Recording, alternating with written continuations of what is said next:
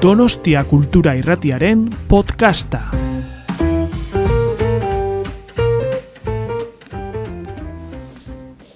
Vale, ba, arratsaldeon nerea. Zaion? Ze ongi gauden hemen ez da? Bai. Eh, zure liburua, zure liburuari buruz hitz egingo dugu. Azpimarrak novelari buruz, udaberrian argitaratu zenuen, erein argitaletxean. Bai. Baina, ibilbide hau esango dugu aurretik hasi zela, Ramiro Pinilla lehiaketara aurkeztu zenuen novela laburra, eta irabazi, baina ez da lehenengo aldia irabazten duzuna. Beste novela labur bat ere idatzi zenuen, atzerrian, Pamela argitaletxeak e, publikatu zizun, eta hori ere, horrek ere, jaso zuen e, Ramiro Pinilla saria. Azpimarrak novela. Objektu bat dugu, ez, abia puntu, esango Bai. dugu, liburu bat. Bigarren eskuko liburu bat. Hori da. Liburu hori azpimarrez beteta dago, eta e, hori da pixka bat abia puntua, ez? Gero, e, gero esplikatuko dugu bi pertsonaien arteko harremana zein den, baina bi pertsonaia horiek lotzen dituen objektua, liburu hori da. Bai, em, askotan ez dut izaten garbi zein den idazten dudan, dudanaren abia puntua, eta kasu honetan, eleberri honetan, e, ba, badakit, e, abia puntu hori zen izan zen, nolabait zen izan zen e, historioaren hasia.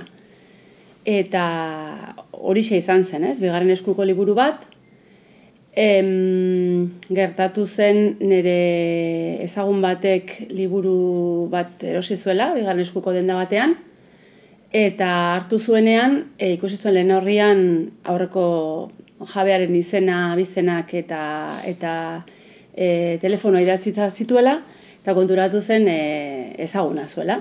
Ezaguna zuela, nik ere ezaguna nuen, eta berak e, aipatu zidan ara, begira, e, liburu hau e, erosi eta ara norena den, norena zen, ezta?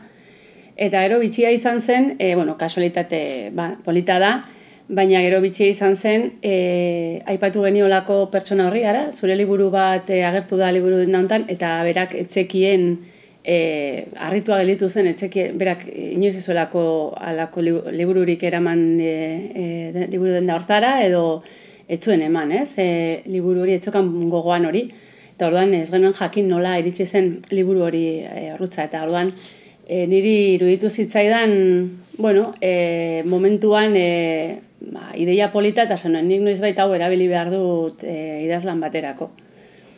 Eta orduan honekin hasi nintzenean e, hori izan zen abia puntua, ez? Nik nahi nuen horixe, ba nuen liburu bat, bigarren eskukoa, e, iz, aurreko jabearen izen abizenak eta idatzi zituena, eta gero aspaldiko bi, bi ezagun, e, nolabait e, liburu horren bitartez edo e, ba, e, lotuko zirenak edo elkartuko zirenak.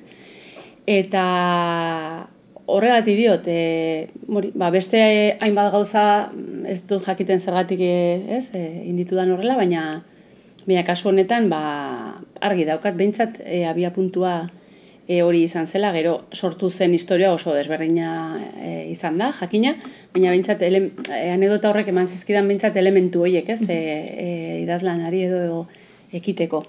Bai. Eta bi pertsonaia horiek ere e, alaxe etorri ziren, ze azkenean kasualitate bat da, ez? Kasualitate horrek e, eman zizun es, eszenatoki bat, ez? Bi pertsonaia horiek e, pixka bat e, lotzeko eta eta bien arteko harremana islatzeko.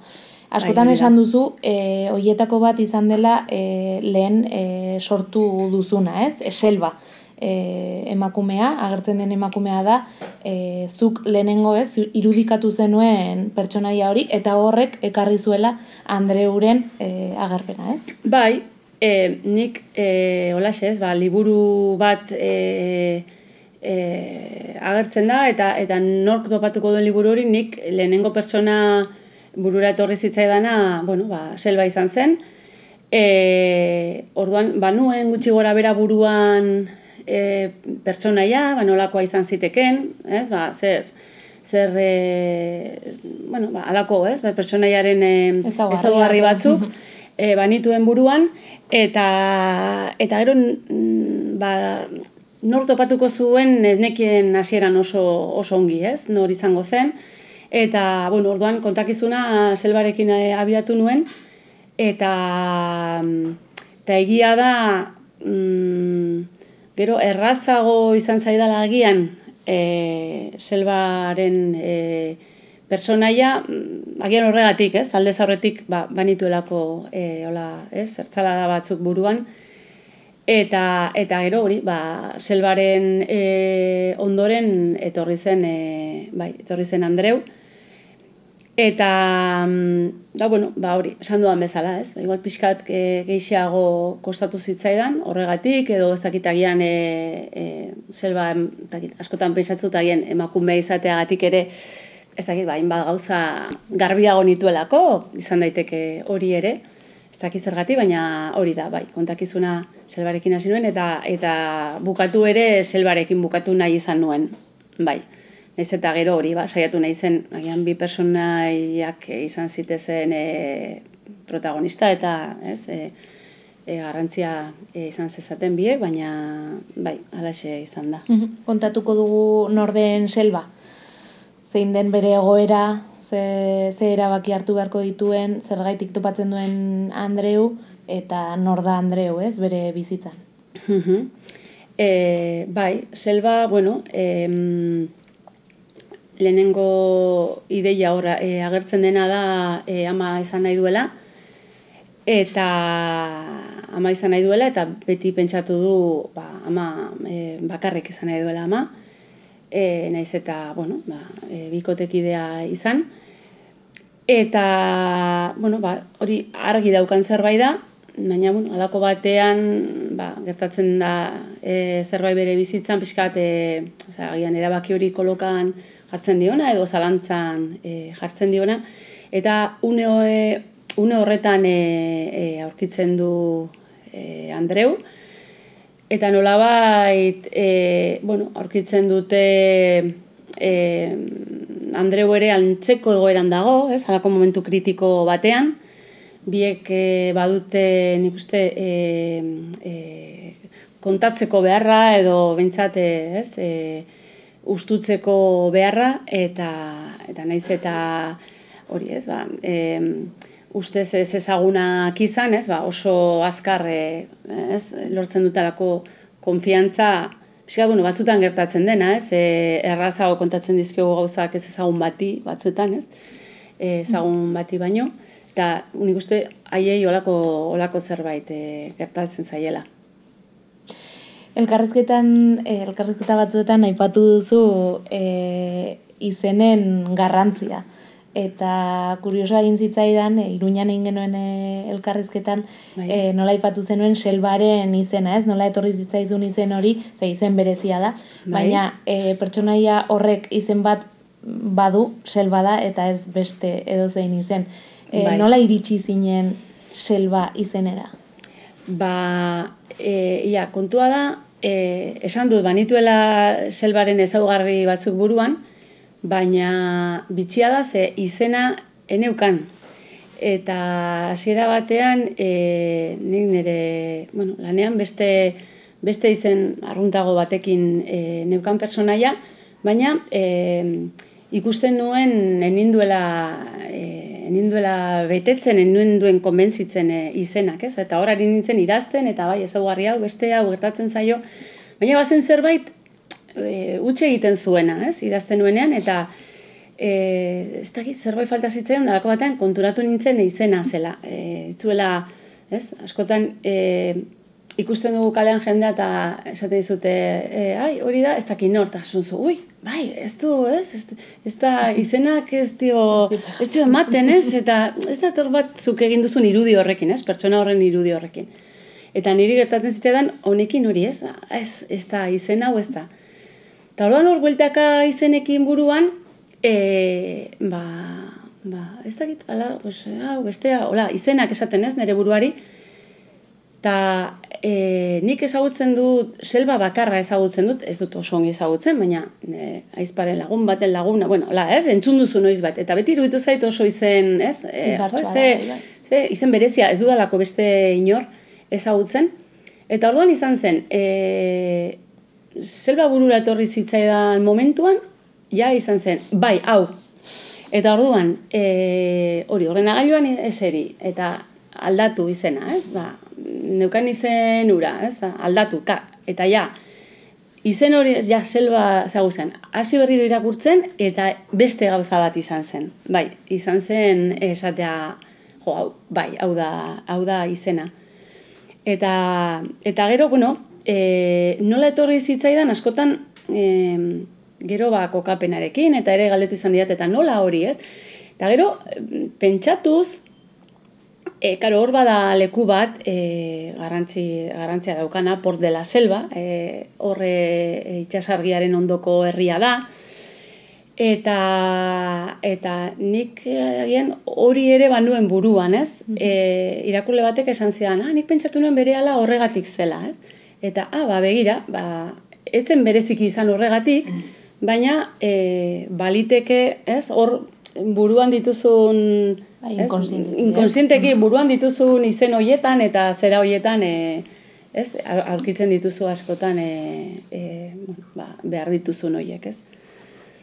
Eta taulaxe eta gero gainera e, bueno, e, alderdi horretan e, egonez oporretan eta konturatu naiz ba, oso ondo jarria zegoela ze ni port de la selva hori ezagutzen nuen, bai gero konturatu nez inguru hortan de la selva asko daudela. Et port de la selva dagoen bezala, ba, ez dakit, ez dakit zer de la selva, ez dakit zer de la selva, eta inguru hortan ba dela, e, bueno, ba, toponimo bat edo, nahiko, Orduan, bueno, ba, begira, nahi, nahi gabe edo ez dakit nola, baina horretan asmatu nuen.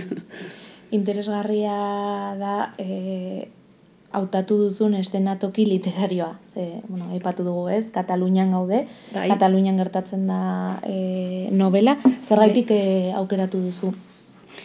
Ba, lehen, ez, bueno, ba, lehen adibidez esan dut, ez? Oso argi neukala abia puntua zein izan zen.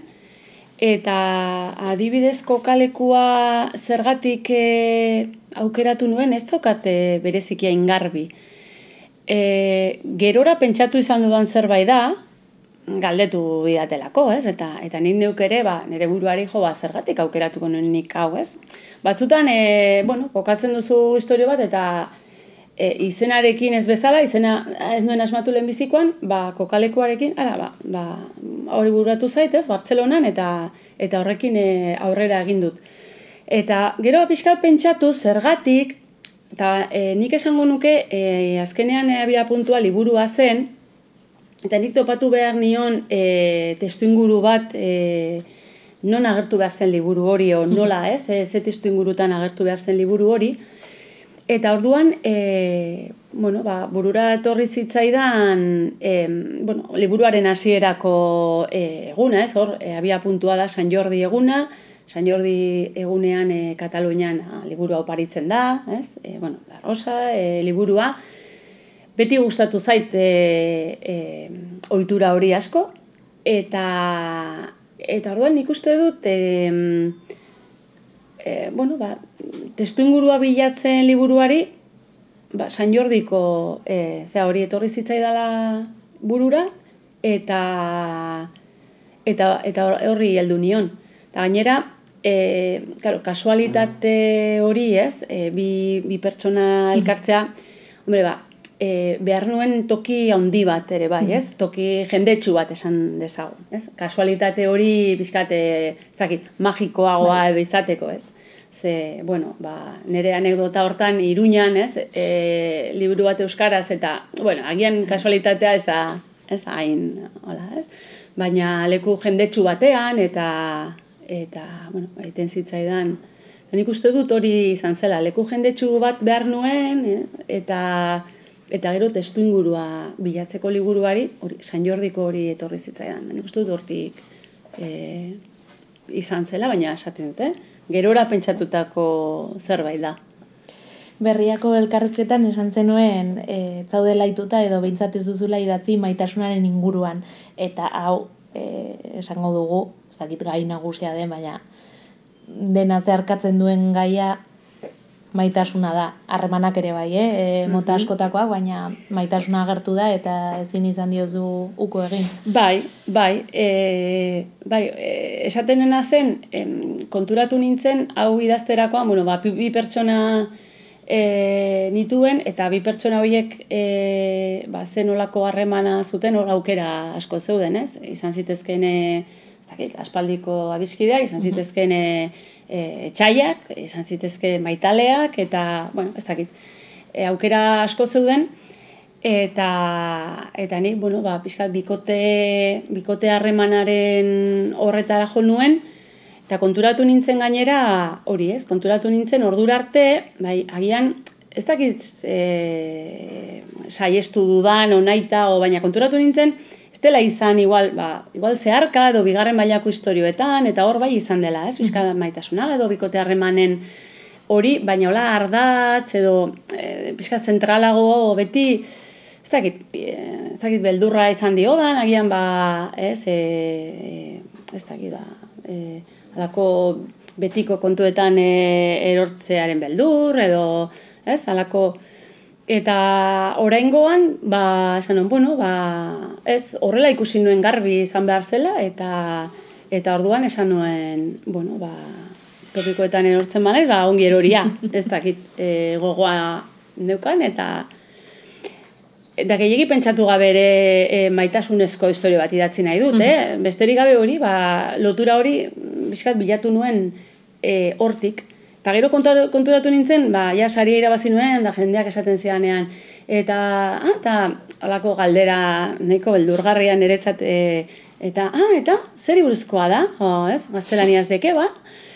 Eta orduan, ba, normalean ez dute nahi izaten alako, ez, e, e, azalpen luze bat, ez, eta orduan, ba, ba, mm, maitasunezkoa, maitasun historio bat, ez, eta horrela, ba, e, bueno, ba, laur esan da, eta orduan konturatu nintzen, ba, ba, bueno, ba, bai, maitasun ez, e, general letzen zidanean, da nik laburtu behar nuenean, ba, nola, ba, olaxe, ez, ba, maitasun historio bat, beste, gauzen artean. bai, ze harreman horretan ere ateratzen dira beste gai ba, potente batzuk, ez? Amatasuna agertzen da, e, betiko harremanak, ez? E, ereduak ez diren edo normatiboak ez diren harremanak agertzen dira, selba bera, ez? E, bai, bai, hori, hori, begira, hori, bai, era, e, izan zela erabaki mm, pentsatua, mm, beste ba, kokalekuarena ez bezala, hola, konsienteki edo pentsatua ezen izan, baina hori bai izan zela erabaki bat, ez, ja, harremanak eta zeudenean, e, bueno, interesgarria iruditu zitzaidan, pixka, ba, gaur egungo gizartea edo, ez, e, islatzea modu, modu batera, ba, gure inguruan, e, e, bueno, familia, ez, ba, mm, mota e, ugari daude, ez, dira, alako tradizionala ez? Guraso seme alabak, e, bueno, ba, ama bakarrak, e, ez dakit, e, e,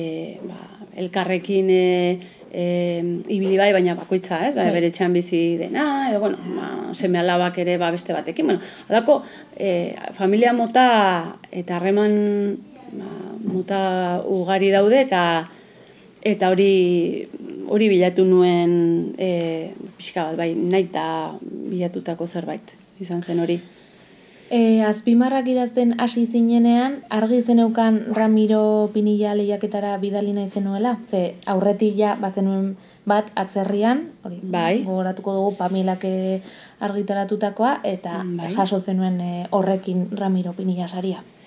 Bai, e, banuen hori, bueno, e, esperientzia hori banuen, baina hau idazten hasi nintzenean, egia esan da, e, ez, ez neukan, hasiera bintzatez, hasieran bintzatez, eh, hasieran e, e, zerbait laburragoa neukan buruan, egia esan da, eh? E, hori ez, ba, libura topatu, bi ez ezagun elkartu, eta hortxe bukatuko zen ez, bai, hmm. puin bat, edo la narrazio zera e, bat, baina, baina gero hasi nintzen, eta Eta hasi nintzenean pixka bate pertsonaiak, ez, ba, pertsonaien karakterizazioan, eta Ja ikusi nuen hor, e, bueno, ba, sortzen zitzaizkidala harimutur batzuk edo zerbait e, e, azaldu beharra eta konturatu nintzen ba, ba, bueno, ba, gogoan eukala hoiei tira egiteko eta orduan ba, ja, tira egiten bali manien sortzen zitzaizkidan beste batzuk eta ez da orduan ja ikusi nuen e,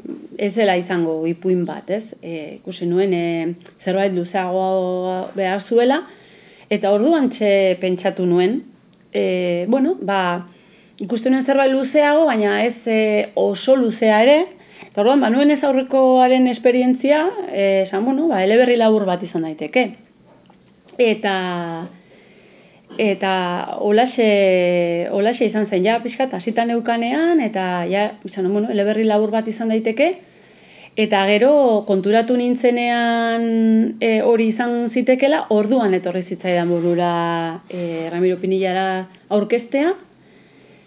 Eta hori izan zen gainera pixka bat, e, ze, karo, hasita neukan eta hasita utzia, ez? Ba, pixka bat honetara bakarrik e, dedikatzen ez garenean, ba, askotan, ez? Ba, lako disiplina bat hartzea zaila izaten da. Eta, eta hori izan zen, e, pentsatzea, ah, begira, Ramiro Pinilla, ba, igual aurkeztu dezaket. Eta orduan ja, hasi nintzen pentsatzen, bueno, Ramiro Pinilla, noiz aurkeztu beharko nuke, e, zer, jarriko banin serio hau idazten, e, iritsiko nintzateke horretara, ikusi nuen baietz, eta orduan esan nuen, venga, ba, e, erronka hori jarriko den nire buruari, eta, eta hola, ba, fundamentu pixka bat egingo dut honekin, eta ez, eh, jarraipen bat, eta gutxienez, ja, ez, hasita duzunean, ba, bentsat, e, e, ja, bukatu. Eta hori, hori, bueno, balio izan zidan, batez ere horretarako, jarraitzeko eta eta bukatzeko. Nahiko epean e, larri xamarri iritsi nintzen, hori ere egia da. E, baina, baina bueno, hori, hori, hori izan zen. Batez ere, e, akulua bukatzeko eta, eta disiplina hori e, jarraitzeko. Eta gero saria etorri zen eta oso pozik jakina horrekin. Ikusi zenuenean e, pertsonaiek eta historiak e, behartzutela zerbait luzeagoa e, egin. E, argi zeneukan adibidez e, orain e, liburu honetan topatuko ditugun bi ahotsen e, nola tartekatzen dituzun bi ahotsak bi pertsonaienak Selva, Andreu eta bi hoien arteko, ez, e, oreka mantendu nahi zenuela? E, bai, bai, hori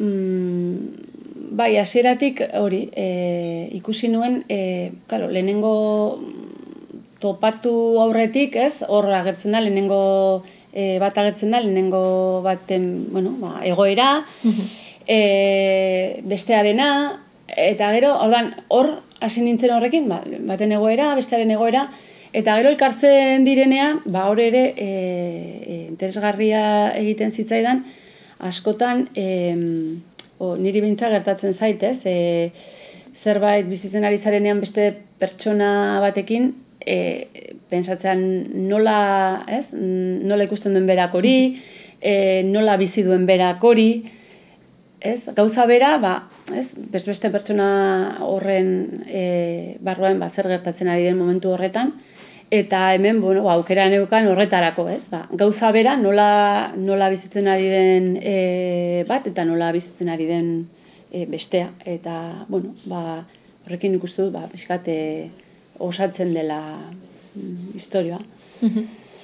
Uda berrian publikatu zenuen azpimarrak, e, ordutik, e, zeharrera izan duzu.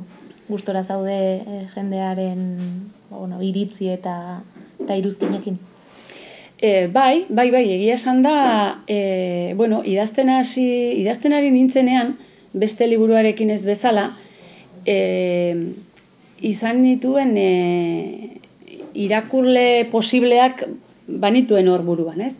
Beste, beste liburuarekin ez, ba, bueno, ba, enekielako inoiz argitaratua izango zen, oso niretzat idatzi nuen bere momentuan hori.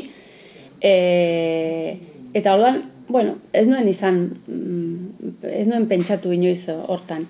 Baina ja behin, ez, behin bat atera duzunean eta lanean jartzen zarenean beste batekin, honi behintzat honekin, orduan ja, e, baduz aukera hori buruan, ez? Jo, ba, e, hau agian ere noizbait e, argitara atera daiteke eta iriz daiteke irakurleen gana. Eta orduan, e, izan dituen buruan e, batez ere e, e, nire inguruko jendea, ez? nahi nuen nire inguruko jendean ibiltzen naiz irakurle talde batzuetan, eta mm, nahi nuen haientzat, e, ez dakit, e, atsegina izango zen zerbait, o gustuko izango zuten zerbait idatzi. Eta hori hori buruan e, aritu nintzen. Eta egia da, ba, lehenengo helburu hori, uste dut e, lortu dudala. Azkenean, bueno, errazena da jasotzeko ere bai, ez? Ba, zure ingurukoena ba, e, jasotzen duzu.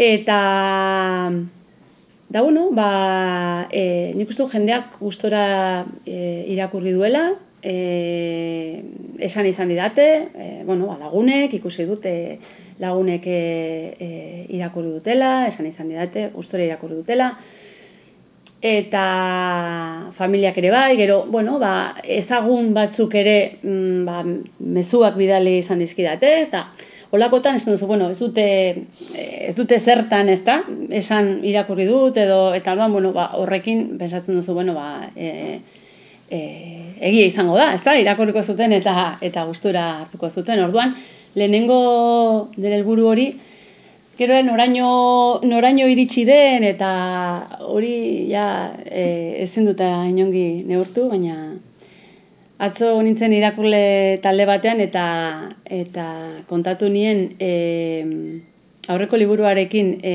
egin nuen eta eta honekin ere egin dut e, udan adibidez edo bueno e, ja aspaldi ez dut begiratu baina e, buruatu zitzaidan liburutegien katalogoan sartzea eta bilatzea, ez, azpimarrak.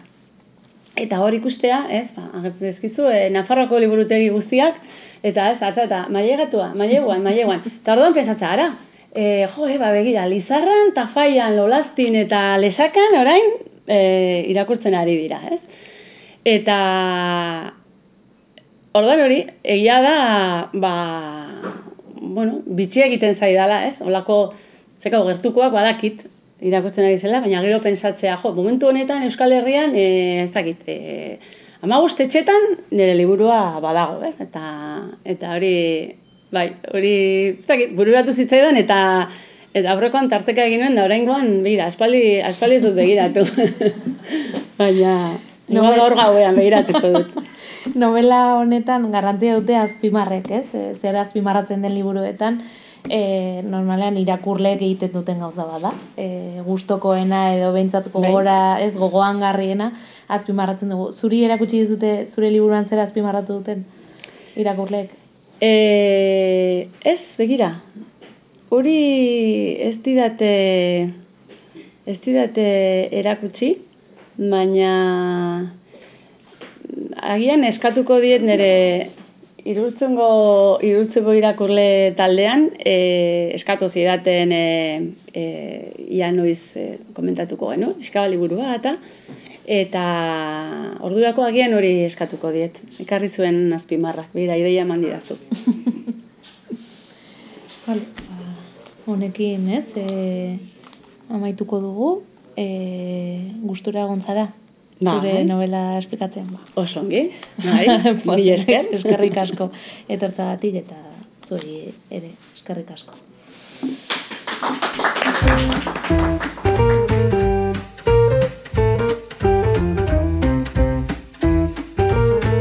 Donostia Kultura Irratiaren podcasta.